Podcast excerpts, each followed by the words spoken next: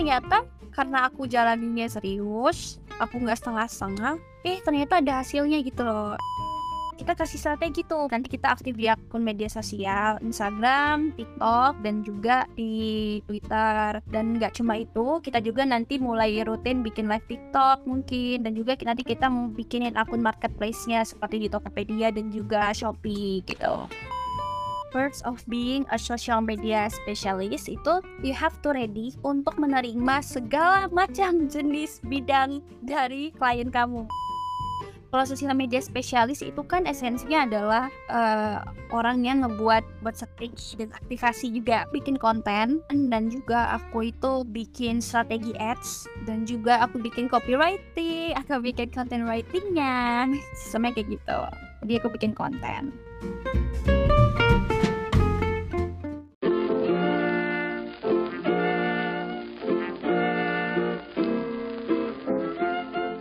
antara banyak peran yang orang miliki, kamu perlu tahu salah satunya.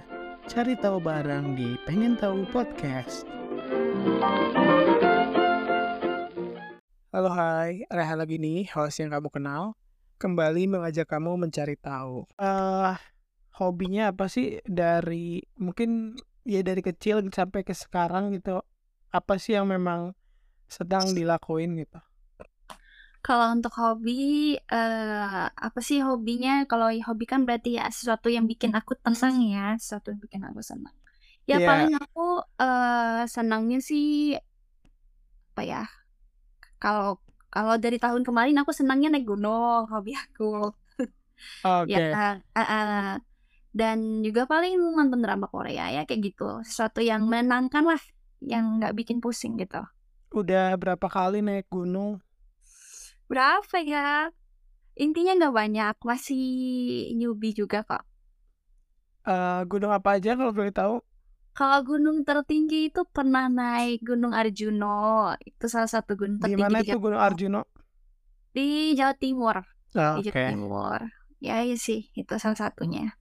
Terus kalau gunung lainnya? Banyak ada gunung apa ya? Gunung Arjuna gunung Butak ada gunung Pundak terus gunung ya ada nih eh, Ini, gunung Petanggungan gitu gitu okay. rentang waktu berapa lama sih mulai naik gunung? Kan itu baru tahun kemarin ya jadi ya dalam waktu apa nih? Uh, tahun kemarin sih aku baru naik. Kalau untuk rentang waktunya biasanya itu aku kemarin karena emang kebetulan full kuliah online jadi kalau weekend kalau lagi ada free day ya udah naik. Biasanya kayak sebulan itu mungkin dua kali saat itu ya. Dan, tapi waktu masih masih kuliah di di Palembang? Uh, enggak. Aku mulai naik gunung pas waktu aku magang. Kampus Merdeka. Oh pas magang kampus Merdeka. Waktu magang di Bineka ini? Ya di Bineka sih. Di Bineka di Bineka ini stay-nya di mana?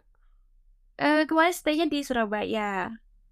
Makanya bisa naik gunung kan. Kalau di Palembang kan ada gunung cuma cuma ada satu gitu. Tapi kalau di Jawa Bagus sama sekali nih meskipun rumah dekat gunung tertinggi di Jawa Barat ya. Emang apa? gunung apa? Gunung Ciremai. Oh, Gunung Ciremai. Oh, oke. Okay. Aku iya ya, aku belum pernah belum pernah naik ke puncak gitu. Hmm. Eh tapi Kuningan kamu di Kuningan kan? Kuningan itu iya. Jawa Jawa nih ya, Jawa Barat ya? Jawa Barat. Oh, oke okay, oke. Okay. Aku cuman cuman baru main sampai pos satu doang gitu. Sebenarnya uh, seru gitu, cuman kayak nggak punya alasan sih alasan tersendiri untuk naik gunung mm. gitu karena kayak kayaknya uh, naik gunung memang harus di waktu dan gimana ya dan bersama orang yang tepat gitu. Nanti ya. uh, selain itu tadi uh, nonton drama akhir-akhir ini nonton drama apa aja? Uh, apa ya kalau drama Korea tuh apa ya? Uh, lupa aku The Glory mungkin nggak tahu ya ini lagi Song Hye Kyo gitu gitu Iya iya ya, terus? Ya udah sih itu aja.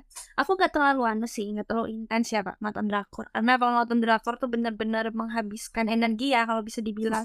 Betul. soalnya aku maraton kan jadi kayak pengen langsung selesai gitu. Kayak eh, kalau boleh tahu drakor yang itu tuh yang suka yang ditonton tuh yang memang karena dibicarakan banyak orang atau ada kriteria tertentu gitu yang oh genrenya soal si genrenya seperti ini gitu atau eh apa namanya eh pemainnya si ini gitu. Preferensinya apa sih? Eh, kalau aku tuh tipe yang suka nonton drakor tuh yang bukan ongoing alias yang udah tamat. Karena aku nggak suka kan kalau Es yang kayak penasaran tuh kan nggak suka. Balas nunggu ya. Lanjut iklan ya. Iya. Sorry, sorry, sorry. enggak apa Terus aku juga suka drakor yang ringan-ringan sih. Kayak aku nggak tau suka tuh kalau yang kayak drakor yang mm, misalnya kayak eh bikin mikir.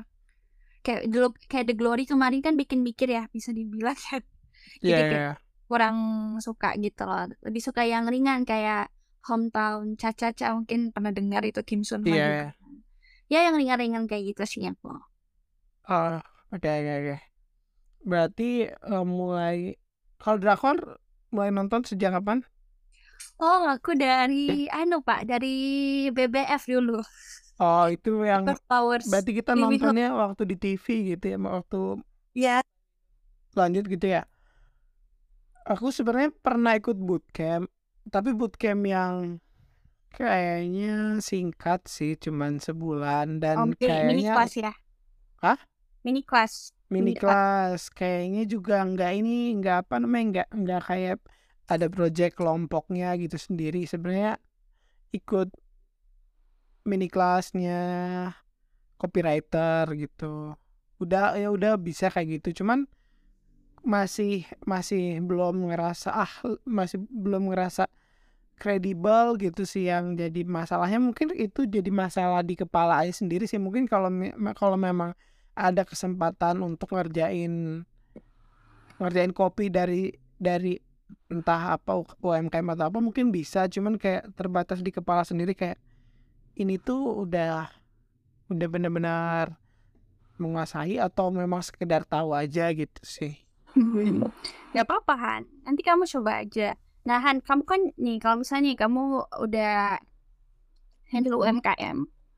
Nah saranku nanti kamu kan pengen eh, apa ya? Nanti kan kamu pasti pengen karirmu mungkin kamu pengen seriusin kan. Misalnya kamu ternyata tertarik di bidang sosial media kayak aku kan.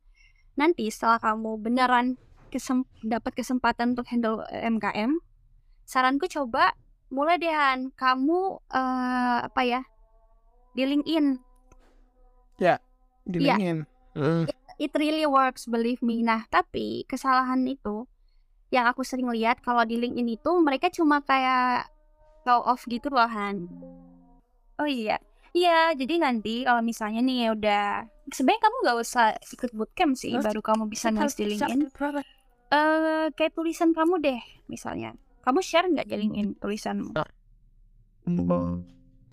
lebih eh, le- itunya tuh postnya tuh dan kurang lebih itu tuh nge-mirror bukan nge-mirror sih kayak otomatis aja sih dari medium ke itu. Cuman kalau sekarang baru-baru ini nulis bulletin nulis newsletter di di LinkedIn.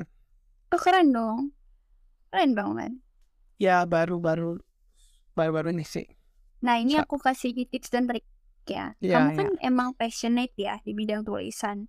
Mungkin kamu bisa tuh nantian, kamu bikin konten khusus di LinkedIn. Tapi kamu kayak apa istilahnya ya, edukatif gitu loh. Mungkin kamu kasih tips dan trik gimana sih cara bikin judul artikel yang menarik gitu. Atau how gimana ya, kamu kasih tips eh eh, lima lima tips untuk menulis eh, lima tips menulis untuk pemula gitu ya. Kamu nggak apa-apa tulis aja di LinkedIn. Nah karena aku rasa ya Han ya eh, kalau kita kayak cuma show off aja kayak kita cuma pamer oh aku baru aja ngeposting ah aku aku baru nulis nih baru nulis di medium gitu dibaca ya kayak gitu ya. Aku ya ini aku cerita nih. Jadi dulu pas waktu aku awal-awal di Trivenly, aku tuh kan kayak cuma nulis, kayak cuma bagi aja gitu loh, bagi informasi kalau aku tuh habis upload konten di Trivenly. Ya. Nah, semua itu berubah ketika aku mulai ngasih tips dan trik ke audiens LinkedIn. Dan Eh, eh, itu tuh ternyata nggak attach dan nggak attract recruiter percaya atau enggak karena kita bukan cuma kayak ngasih tau ngasih tau gitu aja loh. Kita tuh kayak kasih ingin kita tuh kayak pengen engagement juga engage juga sama audiens Ya. jadi kita kasih tips kasih trik dan semoga bisa bermanfaat untuk audiens dan itu ternyata lebih bikin recruiter tuh eh, seneng untuk ngestok akun kita. Itu sih yang aku dapat kemarin. Gitu sih Han. Jadi mungkin kamu bisa coba. Mungkin kamu bukan kasih kayak info ataupun apa informasi ataupun kamu kasih konten edukasi itu di Instagram doang mungkin kamu bisa menjarah juga di menjarah kamu bisa juga kan Merampok. kamu bisa juga memulai memperluas tuh kontenmu konten edukatifmu mungkin di LinkedIn gitu gitu sih Han gitu saran Itu yang terakhir eh, apa namanya? Ada yang ngehubungin tuh dia ngebuka lowongan apa gimana? Pernah sempat lihat di postingan? Gimana tuh Eh, maksudnya? mereka bukan. Mereka lagi nggak buka tapi mereka emang mencari kita gitu loh. Ini ya ini saya akan cerita the power of LinkedIn. Jadi ya aku itu waktu itu aku kan ini eh, aku bukan di sos- di content writer ya tapi sosial media ya. Kan Iya, cerita boleh, kan terus di sosial media spesialis. Iya. jadi aku itu pas waktu aku ikut bootcamp nih Hania. Itu kan aku Eh. sosial media juga tapi itu orang tuh nggak ada yang tertarik kan. Anehnya orang-orang tuh recruiter tuh nggak ada yang nggak ada yang nge, apa ya apa sih ngehubungin aku. Karena padahal waktu itu aku share tuh portofolioku pas waktu aku ngehandle UMKM itu pas bootcamp. Iya. tapi semua berubah setelah aku ngeposting tips dan trikku itu tips dan trikku itu. Kayak eh ini nih ap- apa sih yang aku tulis kemarin tuh? Eh kayak lima unsur yang harus ada di eh, portofoliomu untuk klien gitu loh. Nah itu. Eh, itu yang sampai kayak 115 ribu eh, apa Reach. impression, Ah, ah, Iya, impression, ah, impressionnya tuh gede banget, engagementnya juga gede banget gara-gara itu yang nge-follow aku tuh CEO HR itu beneran gitu kan, beneran ngefeknya tuh gede banget gitu loh. Terus Iya, iya. banyak banyak yang bayangin sebelumnya DM LinkedIn aku itu kosong hampa gitu kan. Terus tiba-tiba eh, banyak bukan nggak banyak sih ada gitu loh. Ada yang nge- anu ada yang approach aku kan.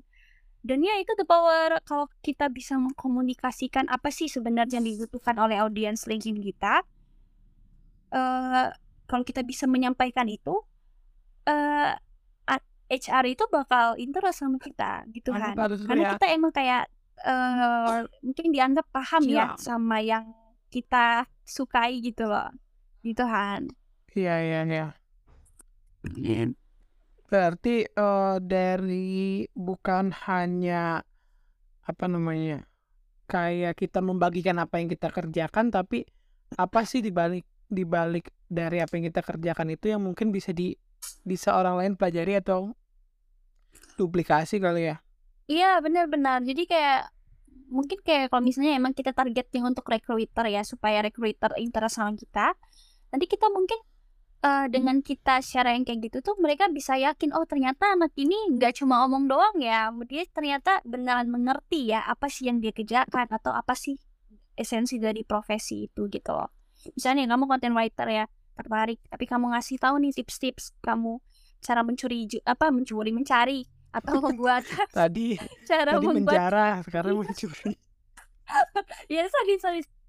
Ya sih cara membuat judul yang menarik gitu loh. Ya udah berarti kita emang beneran paham. Itu sih Han. Sekarang eh yang lagi dijalani berarti eh, sosial media spesialis. iya sih aku freelance. Sosial media spesialis saat ini. Gap, eh, apa ya partnershipnya gimana tuh kemitraannya? Kayak satu satu misalkan apa UMKM atau satu akun gimana tuh cara ngaturnya atau kayak gimana?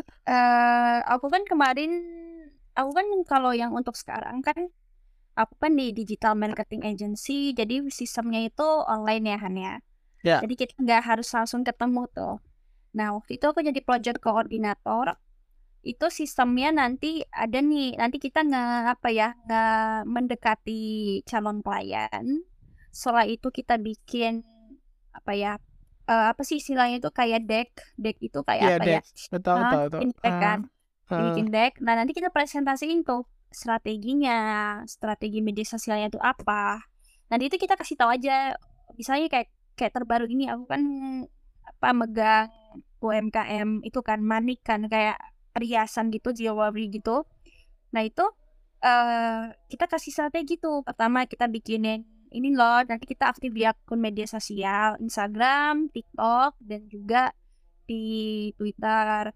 Dan nggak cuma itu kita juga nanti mulai rutin bikin live TikTok mungkin. Dan juga nanti kita mau bikinin akun marketplace-nya seperti di Tokopedia dan juga Shopee gitu.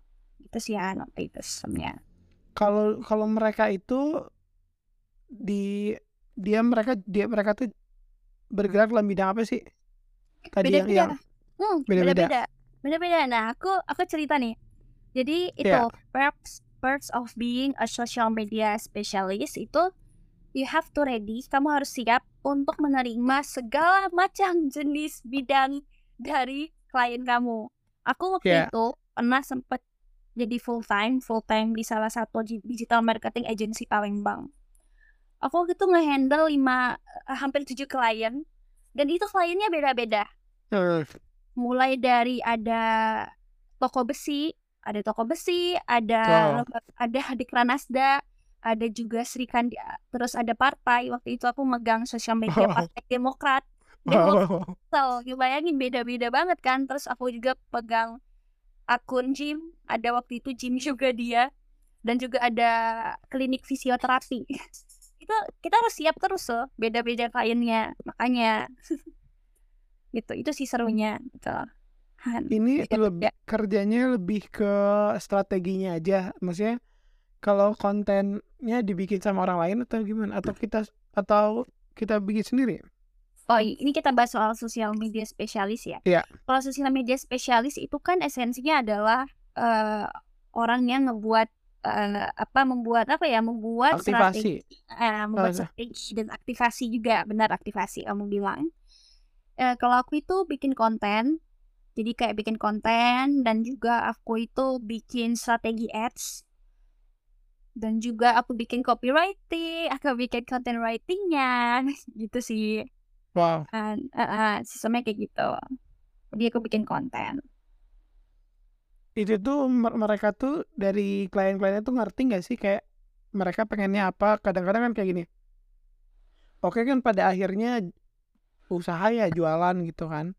Cuma kan kadang-kadang ada yang pengen cepet-cepet cepet-cepet eh, jual sepatu misalkan gitu. Cuman si sepatu itu kan nggak nggak bisa langsung dijual gitu. Kita harus membangun awarenessnya gitu, membangun interest yang kayak gitu. Nah, cara menentukan oh usaha ini butuhnya ini, usaha ini butuhnya ini tuh dari analisa kitanya atau dari permintaan merekanya sesuai dengan ya udah mereka mintanya kayak gini kita bikin kayak gini atau oh gimana? Atau oh mereka butuhnya ini kita bikinkan ini gitu. Biasanya klien-klien ini tuh ngerti nggak sih mereka tuh maunya apa? Hmm, aku based on my experience ya. Jadi Ya. kalau pengalaman aku aku tuh pernah mem- apa menemui berbagai beberapa macam jenis klien ya. Ya. ada klien yang keras kepala yang kayak kamu bilang itu yang kayak dia pengen semaunya dia sendiri dan juga ada klien yang bisa nih diajak kolaborasi yang enak kalau kita ajak ngobrol. Nah kalau untuk kayak ada waktu itu aku pernah handle salah satu apa ya tailor. Jadi dia kayak jualan kemeja dan batik gitu-gitu. Kalau ini nih mereka ini kayak bapaknya ini kliennya ini mereka nih kayak masih bingung gitu kan. Mereka tuh mau ngapain? Tapi mereka tuh pengen jualan. Nah saat itu eh, timku tuh ngomong kayak gitu loh eh pak karena ini Instagramnya masih baru followersnya juga masih nol mending kita naikin awarenessnya dulu nah tapi karena bapak ini bapak ini tuh keras gitu kan Enggak pak, enggak mbak, enggak mbak, saya pengen jualan, pengen jualan langsung. Nah, mau jualan tapi belum ada audiensnya gimana Ah. gitu kan. Ya udah, waktu itu akhirnya aku ngusulin pak, kita ads aja ya, ads aja ya satu. Dan ya, dan ternyata mereka setelah kita kasih tahu pelan-pelan, setelah tiga hari, lima hari nego gitu kan, eh pak, kalau mau langsung aja iklan gitu, dan mau gitu loh, gitu sih intinya. Berarti apa yang dibikin itu mmm, enggak enggak selalu apa ya? Enggak selalu sesuai dengan eee sesuai dengan kebutuhannya mereka gitu. Jadi juga tapi ter tapi juga sesuai dengan lebih ke apa yang mereka mau gitu. Jadi kayak ya udah mereka maunya apa kita bikinin gitu atau kayak Enggak gimana?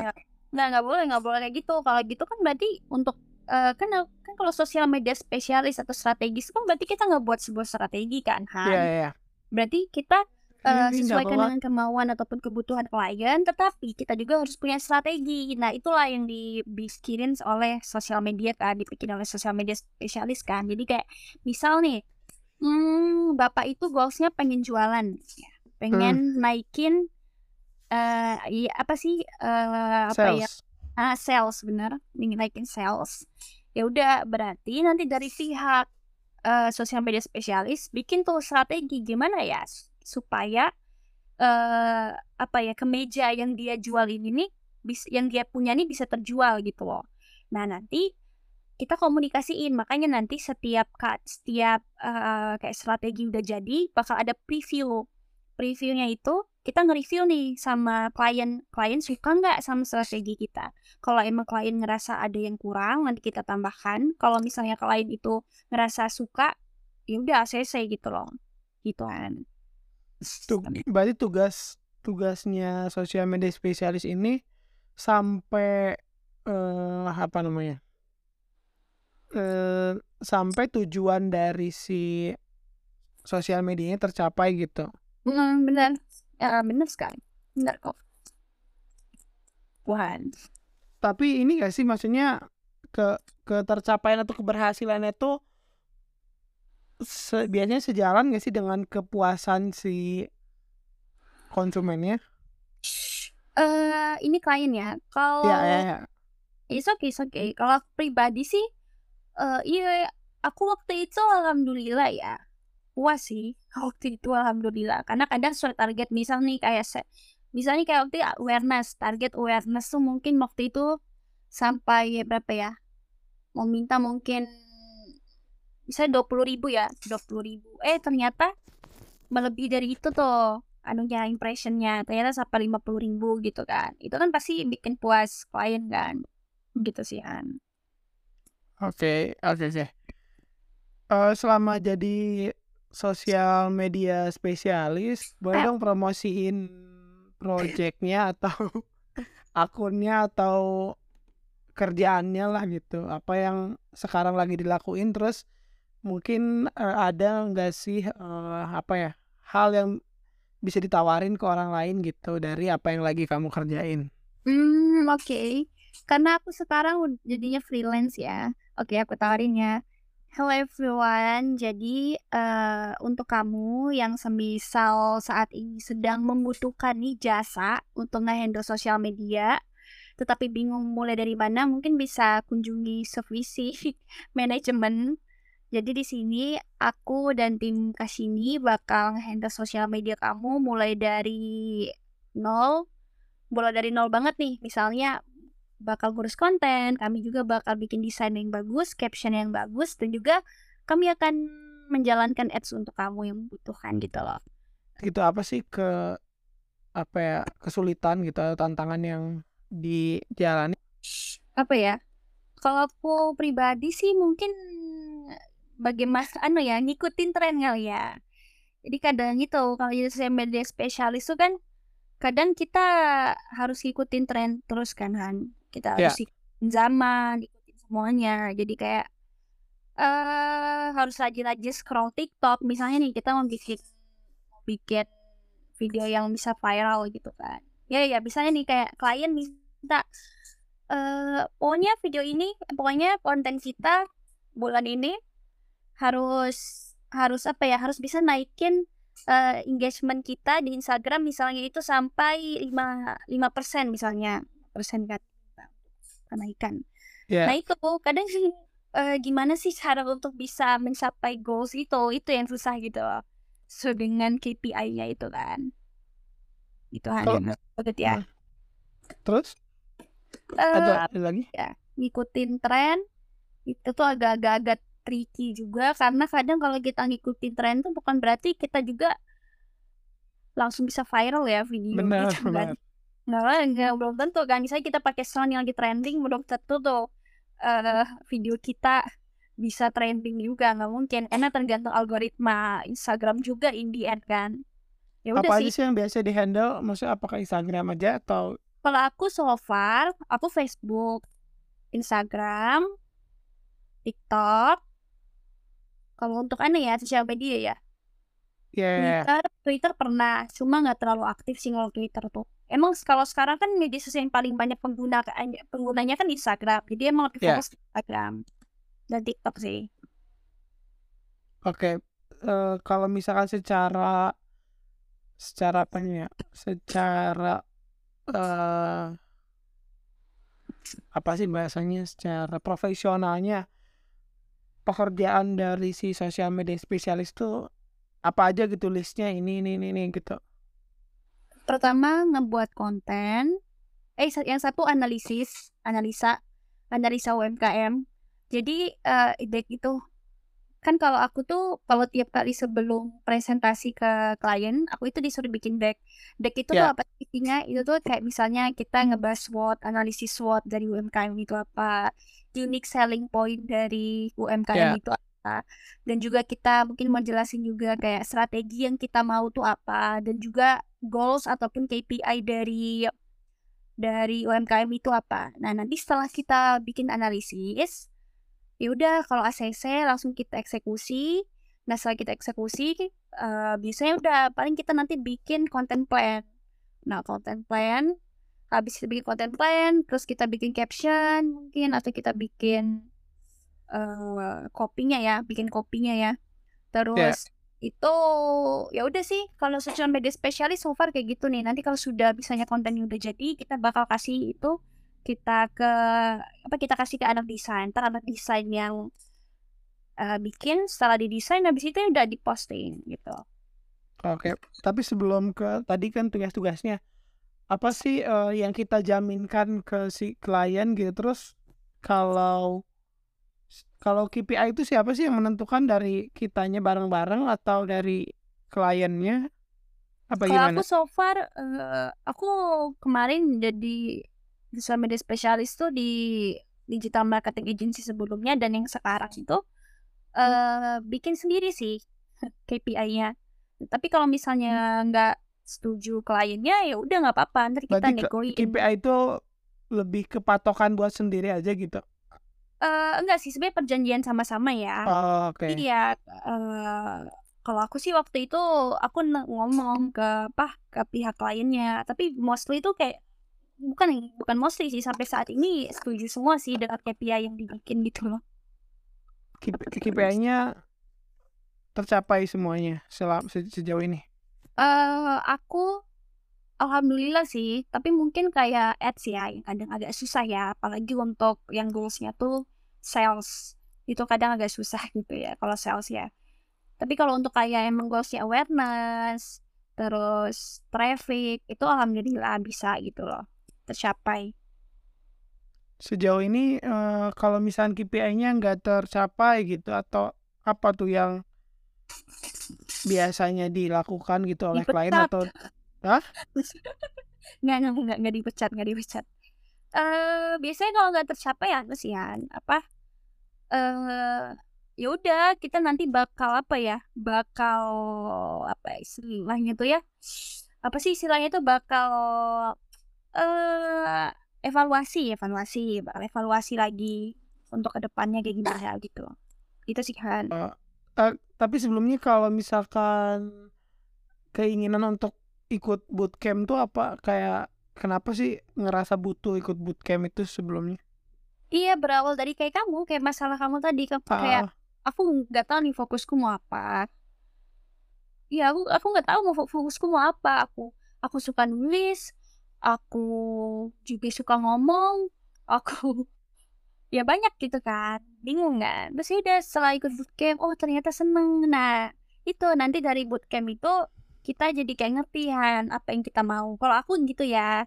aku pribadi kayak gitu nggak tahu orang lain gimana Terus kenapa keputusannya ngambilnya digital marketing gitu nggak nggak bootcamp yang lain gitu? karena emang kalau untuk sesuai dengan pengalaman aku aku juga kan di BLI kemarin kan anuhan apa ngehandle sosial media BLI juga kan jadi Iya. ya nggak ada jauh beda kan sama digital memang ya- yang yang udah yang udah relatif eh relatif pernah lah atau relatif udah kenal gitu ya. iya nah, benar itu sih Han. Eh, jadi kalau misalnya orang nih nanya gitu gimana sih cara untuk jadi sosial media spesialis gitu dari dari yang seperti awalnya yang bingung gitu Eh, kira-kira apa aja yang mesti dilakuin gitu?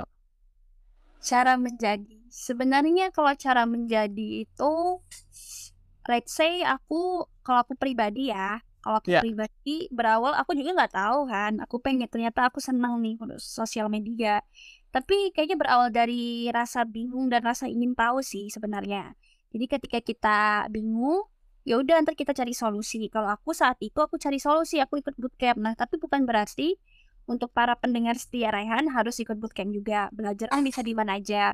Mungkin bisa di YouTube. Tapi enaknya kalau ikut bootcamp itu, first kamu dapat sertifikat. Yang kedua, kamu beneran eks- eh, beneran praktek. Dan yang ketiga, kamu beneran belajar dari orang-orang yang emang berpengalaman. Ya udah setelah itu setelah ternyata kita tahu passion kita apa, kita ternyata ternyata aku saat itu ternyata excited saat eh, ikut bootcamp itu ya udah aku seriusin aku mulai lah kayak memperbaiki CV aku evaluasi CV ku tuh apa yang salah gitu loh. Dan hasilnya ya udah gitu lah. Ya udah sih gitu aja sih kalau aku. Eh, berarti peran kita yang kita yang harus ngulik gitu untuk apa sih yang masih kurang gitu kayak memperbaiki CV berarti kan kita juga harus nge-research oh CV yang bagus tuh kayak gimana? Terus mem- membuat profil LinkedIn mungkin yang bagus tuh kayak gimana. Itu Ya. juga jadi hal yang penting. Maksudnya oke skill udah ada. Cuman karena kita mendelivery profile kita dengan kurang baik mungkin kesempatannya nggak datang. Tapi ketika mungkin kitanya udah nih eh, cari lah entah lewat bootcamp ataupun lewat tempat belajar lainnya eh kita bisa mendelivery dengan kalau kita bisa mendelivery dengan lebih baik mungkin kesempatan itu akan jauh Hah? lebih banyak gitu yang datangnya ya bisa jadi bisa jadi. Benar benar. Bisa jadi kok kayak gitu. Ini kita kita tuh intinya kalau aku pribadi ya eh, berani aja gitu loh. Kayak eh, aku juga awalnya itu Han kayak ih perlu nggak ya ikut bootcamp? Mahal lagi gitu kan. Aku mikir. Tapi ternyata karena aku jalaninnya serius aku nggak setengah-setengah eh ternyata ada hasilnya gitu loh. Ala hasil apa hasilnya itu kayak beneran ada hasilnya gitu loh. Kan waktu itu kan di di my skill tuh kan saat ikut bootcamp ada ngehandle final project gitu kan anuhan ada kayak rewardnya kan ada Ya. penghargaannya kan. Nah ternyata dapet nih kayak gitu dan udah itu eh ternyata enak ya gitu loh ikut ini karena kita nanti dapat rekomendasi juga dari mentor gitu loh jadi kayak banyak pro-nya daripada cons-nya gitu loh kan rewardnya apa kalau boleh tahu eh bukan reward sih kayak kayak macam penghargaan gitu Ya, ya, ya. Penghargaan waktu itu kayak top 5.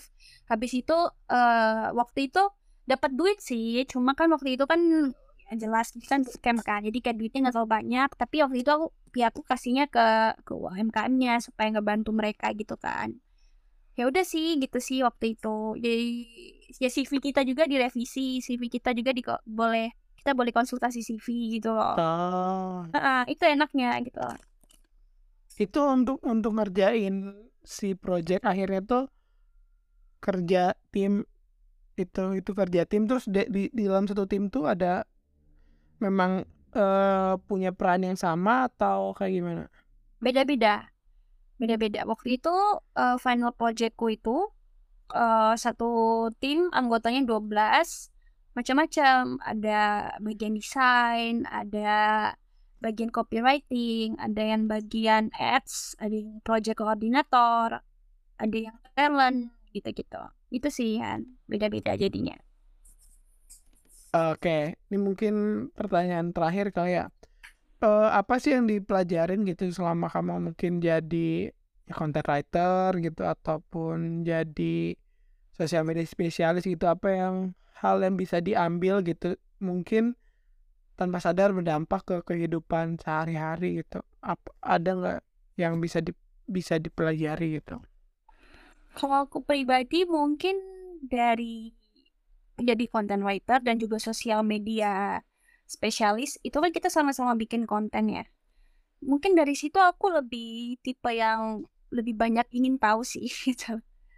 Dan itu sangat berdampak di kehidupan aku kan. Jadi kayak uh, jadi orang mungkin lebih skeptis dan juga lebih uh, apa ya lebih belajar gimana sih cara untuk menyampaikan itu ke orang lain gitu loh dari informasi-informasi yang didapat gitu loh. Dan oh enggak cuma itu juga, aku kan nge-handle klien ya, sosmed klien. Nah, dari aku handle sosial media klien itu, aku juga kayak belajar gimana sih supaya aku bisa uh, mengurus akun Instagram pribadiku juga gitu loh kan. Jadi kayak emang beneran ngefek gitu loh.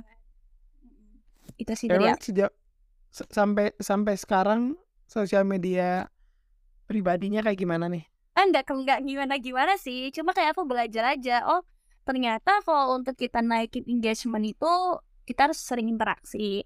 Dan waktu itu uh, apa ya? Waktu itu pernah ya insight Instagramku itu sampai 10.000 plus. Itu tahun kemarin sih 10.000 plus. Dan itu tuh aku ngandelin dari reels, dari dari reelsku dan juga dari interaksi sama audiens dengan followersku karena sebelumnya itu uh, eh, IR ku engagement engagement rate-ku tuh Instagram pribadiku tuh kecil banget kan kayak cuma yeah. satu koma gitu loh dan pas waktu tahun kemarin aku mulai aktif dalam satu bulan tuh bayangin udah sepuluh ribu bukan sepuluh ribu kayak kayaknya dua puluh deh dua puluh k deh kalau nggak salah tuh dan ya dari situ oh ternyata gini ya kita kalau nge-manage akun media sosial pribadi gitu loh berdasarkan ilmu-ilmu yang dipunya gitu loh karena kita udah punya ilmu kan kan cuma teori doang gitu loh. Gitu kan. Tapi memang kalau sosial media sendiri ada target nggak untuk dikembangkan? Nggak ada. Oh nggak ada nggak ada, ada keinginan ke arah sana? Tapi aku emang ada pribadi pengen sih kayak lebih aktif di sosial media kayak kamu gitu. kayak kalau Rehan kan aktif kan di sosial media kan aku lihat. Dan aku ada pengen sih keinginan cuma uh, belum aja mungkin karena aku lagi sibuk skripsi dan juga aku lagi handle UMKM jadi belum fokus ke sana gitu sih ya. Ada pesan pesan ya pesan-pesan lah untuk orang yang bakal punya keinginan untuk bergerak di dunia digital marketing kah atau dunia content writer ataupun sosial media spesialis? Uh, just do it sih kalau aku kayak kayak tagline-nya Nike ya, just do it aja uh, jangan banyak bingung, jangan kayak banyak mikir kayak gitu loh. Mulai aja gitu. Kalau mau ikut bootcamp, boot, ikut aja langsung. Kalau pengen belajar, belajar aja langsung. Jangan kelamaan mikir. Kayak gitu sih kalau Itu aja sih dari aku. Oke. Okay. Langsung mulai aja.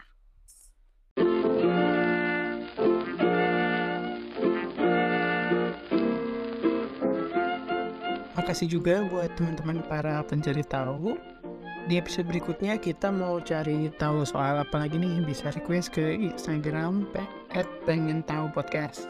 Sampai jumpa di podcast berikutnya dengan narasumber dan cerita lainnya. Pengen tahu podcast jadi makin tahu.